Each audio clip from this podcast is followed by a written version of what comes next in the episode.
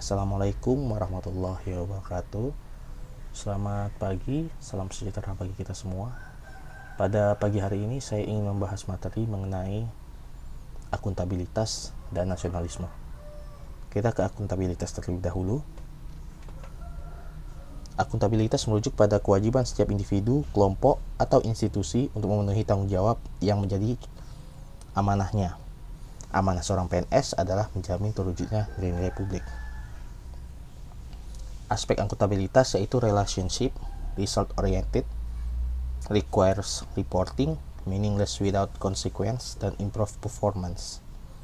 Fungsi utama akuntabilitas yaitu kontrol demokrasi, mencegah korupsi, dan meningkatkan efisiensi. Akuntabilitas publik terdiri dari dua, yaitu akuntabilitas vertikal dan horizontal. Empat dimensi mekanisme akuntabilitas, yaitu akuntabilitas kejujuran dan hukum, akuntabilitas kebijakan, akuntabilitas program, dan akuntabilitas proses. Mekanisme akuntabilitas birokrasi Indonesia yaitu dimulai dari alat akuntabilitas, kemudian ke perencanaan strategis, barulah masuk ke kontrak kinerja, lalu yang terakhir laporan akuntabilitas kinerja instansi pemerintah atau LAKIP. Menciptakan lingkungan kerja akuntabel yaitu dengan cara kejelasan, kepemimpinan, keadilan, kepercayaan, keseimbangan, transparansi, konsistensi, tanggung jawab, dan integritas.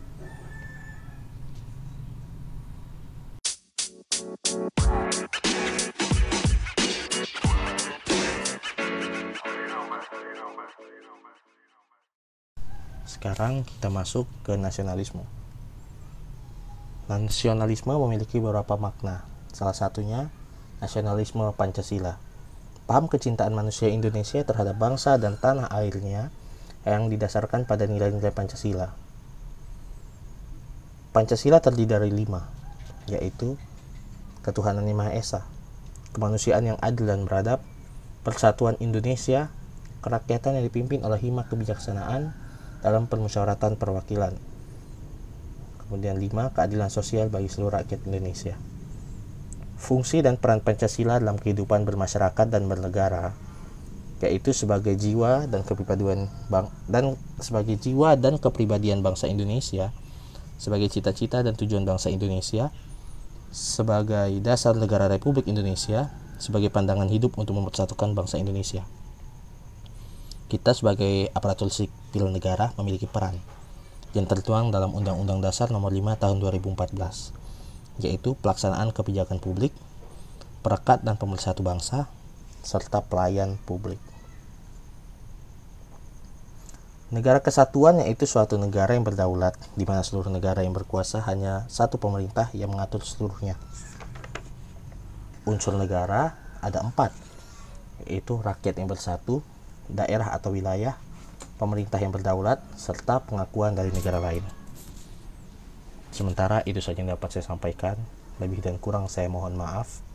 Terima kasih. Assalamualaikum warahmatullahi wabarakatuh. Selamat pagi, salam sejahtera bagi kita semua.